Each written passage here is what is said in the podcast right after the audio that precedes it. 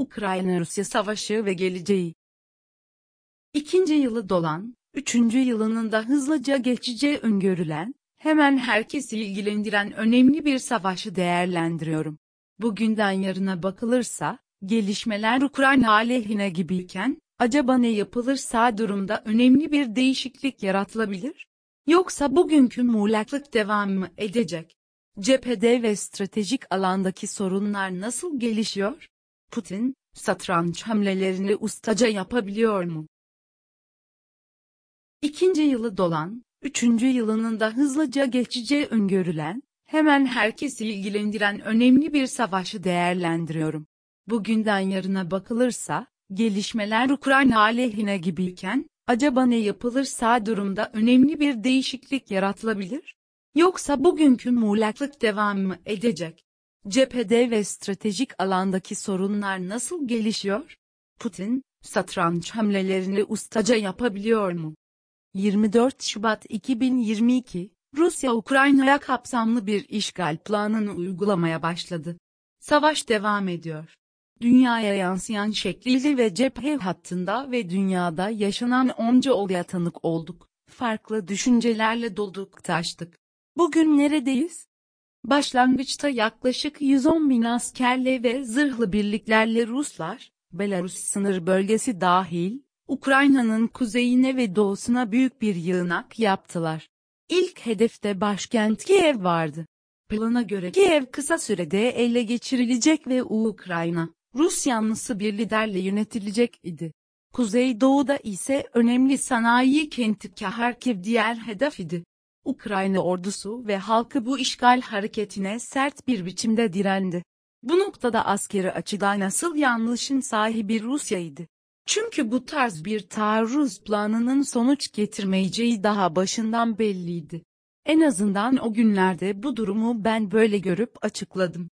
Rusların yaptığı harp prensiplerine uymuyor, dedim. Daha sonra Ruslardan bir düzenleme geldi. Rusya, başarısız olan birliklerini kuzeyden tamamen çekti ve yeniden tertiplenmek üzere daha ziyade doğuya sevk etti. Böylelikle Rusların doğudaki birlikleri takviye edildi. Şimdi artık planın adı belliydi. Özel askeri operasyon. Hedefi ise Kırım ve Donbas bölgesinde belli bir arazi ve kıyı kesimini ele geçirmekti. Karadeniz'deki varlığını sürdürmek isteyen Ruslar, zaman içinde ilerleyebileceği kadarıyla doğudan batıya hareket edeceklerdi. Açık ifadeyle Ruslar Dnieper hattında kalmak istediler. 2023 kışında Ruslar, Dnieper Nehri boyunca 3 hat olacak şekilde siperler kazdılar ve cephede genel savunma planını uygulamaya başladılar. Buna, komutanın adı verilerek, Surovik'in hattı da dendi. Zelenski, Bahar'da karşı taarruz başlattı veya başlatmak için hazırlıklarını yaptı da denebilir. Birinci Dünya Savaşı'nda uygulanan bu Rus savunma tarzı, aslında onların iyi bildiği bir yöntemdi. Savaşın başından itibaren aşırı miktarlarda ve beklenmedik derecede silah, mühimmat ve asker kaybeden Ruslar bu savunma durumuna geçince biraz olsun nefes almaya başladılar, toparlanmak için zaman kazandılar. Çünkü bu savaşta görüldü ki Rusların komuta kontrol, lojistik ama en çok askeri eğitim eksikleri vardı. Ağır silahları zor şartlara dayanamadılar. Modern silah sistemlerinin karşısında çok zayiat verdiler. Karadeniz'de de durum farklı değildi. Mayınlara ve denizaltı saldırılarına güvendiler. Ukrayna, batıdan, özellikle ABD'den, gelişmiş silah yardımı alıyordu. Bunları kullanacak askerleri, eğitimlerini müteakip, peyderpey orduya takviye olarak geldi. Harekat istihbaratı batı destekliydi. Ama bunun da bir sınırı vardı. Dışarıdan taşıma yoluyla, zengin Rus ordu kaynaklarına karşı yeterli olabilmenin de bir sınırı vardı. Ukrayna sürekli ve paketler halinde Batı desteğini almaktaydı.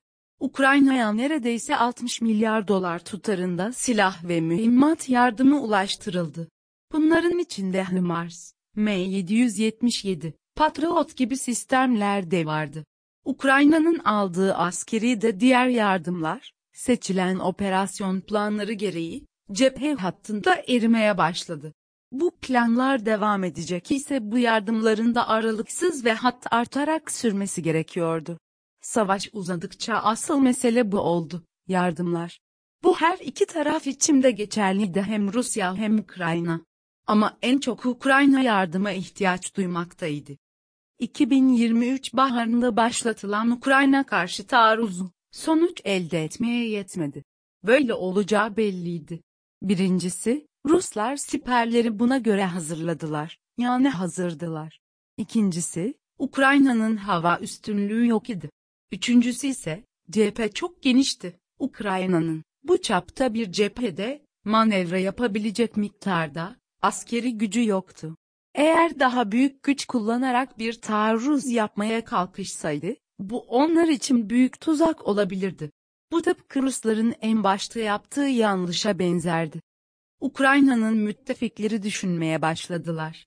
Birincisi, aynı anda hem Ukrayna'ya askeri yardım devam etmeliydi hem de Rusların dünyadan aldığı yardımların önü kesilmeliydi. İkinci olarak, acaba bu savaş bir noktada bitirilebilir miydi? Burada bir karar noktası neresi olabilirdi? Cephe başka, stratejik beklentiler ve iddialar çok başka. Bu arada Ukrayna'nın bir şeyler yapma ihtiyacı vardı ve bu maksatla asimetrik saldırılara yöneldi. Denizden ve havadan drone saldırıları ile çeşitli şekillerde Moskova'dan Karadeniz'e kadar etki sağlayabilecek asimetrik saldırılar gerçekleştirildi. Karşılık vermek adına Ruslar da cezalandırıcı yıkımı sürdürdüler. Rusların, Ukrayna kentlerine ve askeri tesislerine yapılan saldırılarında havadan ve denizden hipersonik seyir füzeleri kullanılmaktaydı. Buna ek olarak Moskova, İran'dan fazla miktarlarda drone almaya başladı ve bunları kullanmayı sürdürüyor. Bütün bunlar olurken, 2024 kışında Zelenski'nin, Savunma Bakanını ve Genelkurmay Başkanını değiştirme ihtiyacı duyduğuna tanık olundu. ABD'de başkanlık seçimleri var. Biden ve Trump arasında söz düellosu devam ediyor. Ukrayna'nın ihtiyacı olan silah ve mühimmat belki şimdiki kadar önemli, ama ABD bu konuda yavaş hareket etmeye başladı. Temsilciler Meclisi düşünüyor. Bugün Ukrayna'ya silah ve mühimmat veremeyen ABD, Ruslara karşı yeni bir yaptırım paketi daha açıklama lüzumunu hissetmiş olmalı. Genişlemesini sürdüren NATO, Avrupa'da tarihinin en büyüklerinden olan bir caydırıcılık ve kararlılık tatbikatı yapıyor. Avrupa başta olmak üzere, dünyanın her tarafında büyük bir silahlanma yarışı başlatıldı. Ama Avrupa, diken üstünde denilebilir.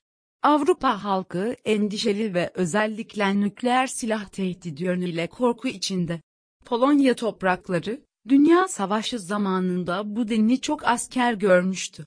Baltık bölgesinde işler giderek kızışıyor. Putin, birçok askeri başarısızlık ve terslik gördüyse de, liderlik pozisyonunu koruyor ve Kremlin'de gücü halen iyi durumda. Putin, Wagner paralı asker şirketi ve bunun sahibi Prigozhin'in yarattığı sorunu, Rus gizli servis usullerine göre, atlatmış görünüyor. Ayrıca Putin, aktivist Navalny'nin Arktik bölgedeki cezaevinde ölümünden sorumlu tutuluyor. Bütün bunlarla birlikte savaşın üçüncü yılına giriyoruz. Rusya askeri durumunu değerlendirdi ve daha çok kendine uygun hale getirdi. Bu ona daha fazla avantaj verir bir durumdur. Peki, Batı dünyası Ukrayna'ya yeterli ölçüde silah ve mühimmat veremez ise, Ruslar, her yıl bir adım olmak üzere, örneğin, gelecek 10 yılda, adım adım Dnieper Nehri ötesinde ilerlememi kaydedecek.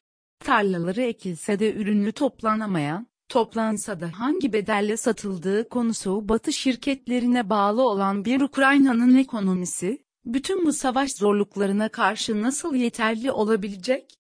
Bugünlerde savaş nedir bunu iyi bilen batılı yazarlar ve siyasiler ABD'ye baskı yapıyorlar. Sakın Ukrayna'yı yalnız bırakmayın. Rus ordusunun ekmeğini yağ sürmeyin, diye. Bir kere, bir harp prensibi olan inisiyatif, Rus ordusuna geçer ise, bunun faturasının Avrupa kentlerine kadar çıkabileceği endişesi var. İşte o zaman Estonya, Moldova, Polonya gibi ülke insanları endişe duymak için haklı olurlar. Batılılar yönüyle düşünülürse, Bu durumda inisiyatifin Ruslara asla verilmemesi gerekiyor. Ve bu nedenle, F-16 savaş uçaklarının yanı sıra, çok sayıda silah ve mühimmat sevkinin aralıksız sürmesi gerekiyor. Diğer taraftan dünya başka sorunlarla da yüzleşti. Örneğin Covid-19 ve bununla birlikte gelişen ekonomik ticari sorunlar devam ederken, küresel çözümler ve yeni sorun sahaları bakımından, hükümetlerin dikkati çok alana dağıldı. Orta Doğu, Pasifik ve Afrika gibi bölgelerdeki olaylar geliştikçe, durum sanki Rusya'ya nefes aldırır şekilde sonuçlar doğurdu. Ama başta Avrupa olmak üzere, birçok alanı etkileyen enerji piyasalarındaki karmaşıklık henüz çözülmüş değil. Rusların hidrokarbon ihracatına bağlı gelirleri, Batılıların beklediği şekilde düşmedi. Bu durumda, dikkat dağıtan bir diğer başlık olarak, enerji jeopolitiği konusu söylenebilir. Ukrayna, taktik başarılarla Rusya'yı başarısız yapamaz. Batılı yazarlar böyle bir yöntemin başarı getirebileceğini savunuyor olsalar bile, bana göre karşınızdaki sıradan bir ülke değil, Rusya. Rusya ile eninde sonunda masaya oturulacaktır. Masada kimler olacak? Şimdiden söylenemez. Fakat urası açık. Zelenski stratejik hamle yapma imkanından yoksun ve Putin bunu rahatlıkla görebiliyor. NATO güçlerinin Ukrayna ülkesine girmesi ihtimaline karşı ise Rus liderler sürekli şöylesine uyarılarda bulunuyorlar. Nükleer savaş başlatılır. Başka ifadeyle, Rusya, stratejik hamle kabiliyetini de kullanabiliyor ve böylelikle cephenin mevcut şekliyle kalmasını, hatta operasyon sürecinin Rus ordusu lehine gelişmesini sağlayabiliyor. Seçimler öne çıktı. Kasım 2024'te ABD başkanlık seçimleri var. Mart 2024'te de Rusya başkanlık seçimini yapacak. Bu sürede Zelenski kendisi için neler gelişecek, beklemek zorunda gibi görünüyor. Putin, ABD'de Trump gibi bir liderin tekrar başkan olmasını bekliyor. Böyle olur veya olmaz, ama durum şöyle, halen Putin, NATO'nun genişlemesini durdurmakla meşgul ve asıl mesele de bu. Mevcut Donbas ve Kiev bölgesini elinde tutmak kaydıyla ve NATO hakkında da bazı geri adımlar attırabilir ise Putin, Ukrayna meselesi üzerine bir çözüm için yeşil ışık yakabilir. Fakat, ben bütün bunlar için her şeyin çok erken olduğunu düşünüyorum. Gerçek olan şu, 2024 yılı, savaşın cephesi yönüyle Ukrayna için verimsiz bir yıl olarak geçeceğe benziyor.